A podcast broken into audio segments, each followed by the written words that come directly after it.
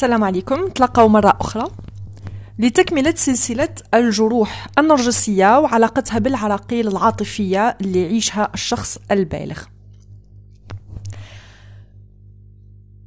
كيف قلت في أول حلقة تاع هذا الموضوع قلت باللي في علم النفس نحكيو على سبع جروح نرجسية توقع في الطفولة المبكرة.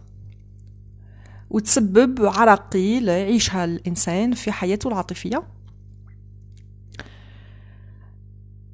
بعض المجتهدين بعض الباحثين اللي كملوا آه، في هذا الموضوع اختصروهم هذه الجروح النرجسية في خمسة بدل سبعة.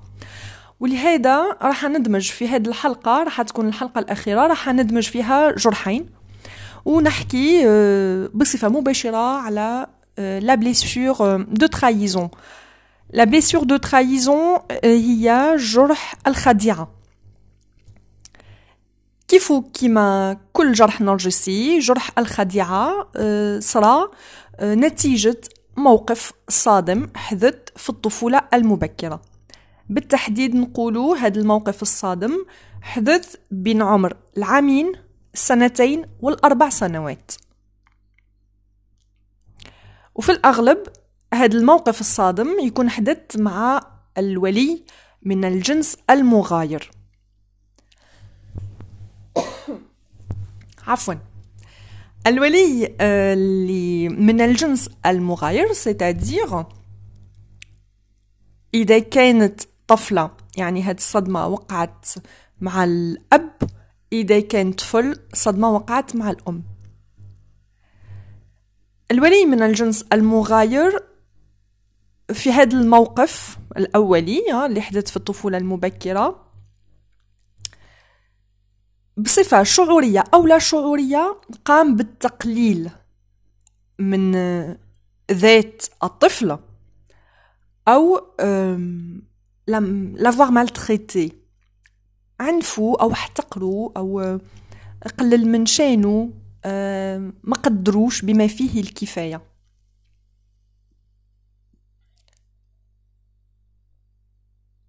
الإنسان اللي عنده هاد الجرح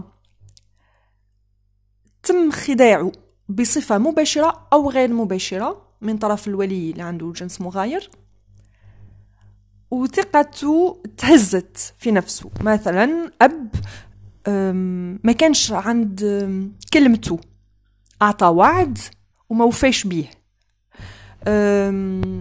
خان ثقة هذا الطفل. وصح نقولوا عنده عامين وش يفهم. لكن الدروس الدراسات والبحوث أثبتت أنه الطفل الصغير يستوعب أكثر ما نظنوا خاصة في مجتمعاتنا العربية بصفة عامة. c'est pas pour dénigrer ولا باش نقلل من شأن الثقافة العربية أو التربية لكن الله غالب عندنا حاجات كتيرة متخلفة. خاصة في مجال التربية في مجال علم النفس. لحد الآن لحد اليوم الناس ما تفرقش بين طبيب نفسي وبين أخصائي نفسي. الآن عيب عار أنه الإنسان يروح يشوف أخصائي. فحاجات كتيرة. يعني وتقليل من شأن الأطفال. يعني صفة. حاجة تعودنا عليها كبرنا بها وعشناها ومازلنا إلى يومنا هذا نشوفوها يعني في, في هذه الثقافات. نغلق القوس. دونك الإنسان اللي كبر وعنده جرح آه، الخديعة يعني يكبر ورايح يتكرروا آه، بعض المواقف أو يعيش بعض التجارب اللي راح تحسوا بهذه الخديعة. ورايح يتفتح الجرح من تالي وجديد ورايح يعيش الإنسان هذاك. نفس الأحاسيس ويعرف نفس المشاعر السلبية اللي عرفها في الموقف الأولي اللي صراله في الطفولة المبكرة.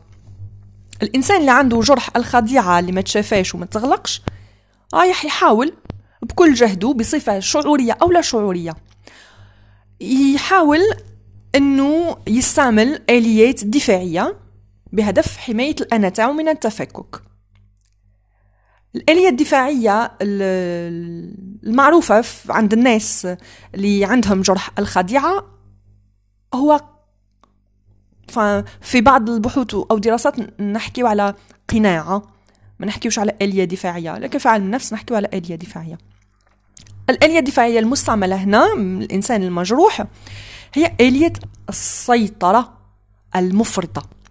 الإنسان باش يحمي نفسه آيح يحب يسيطر على نفسه ويسيطر على الغير ويسيطر على كل حاجة تحيط به. كيف يدخل في علاقات عاطفية؟ الإنسان هذا اللي عنده جرح الخديعة يدخل بمبدأ أنه الآخر رايح يخدعه. الآخر ما ريحش يكون على قد الثقة اللي عملها فيه. الآخر رايح يخون ثقته. وهذا راح يسبب له مشاكل كثيرة في حياته العاطفية وفي علاقته العاطفية.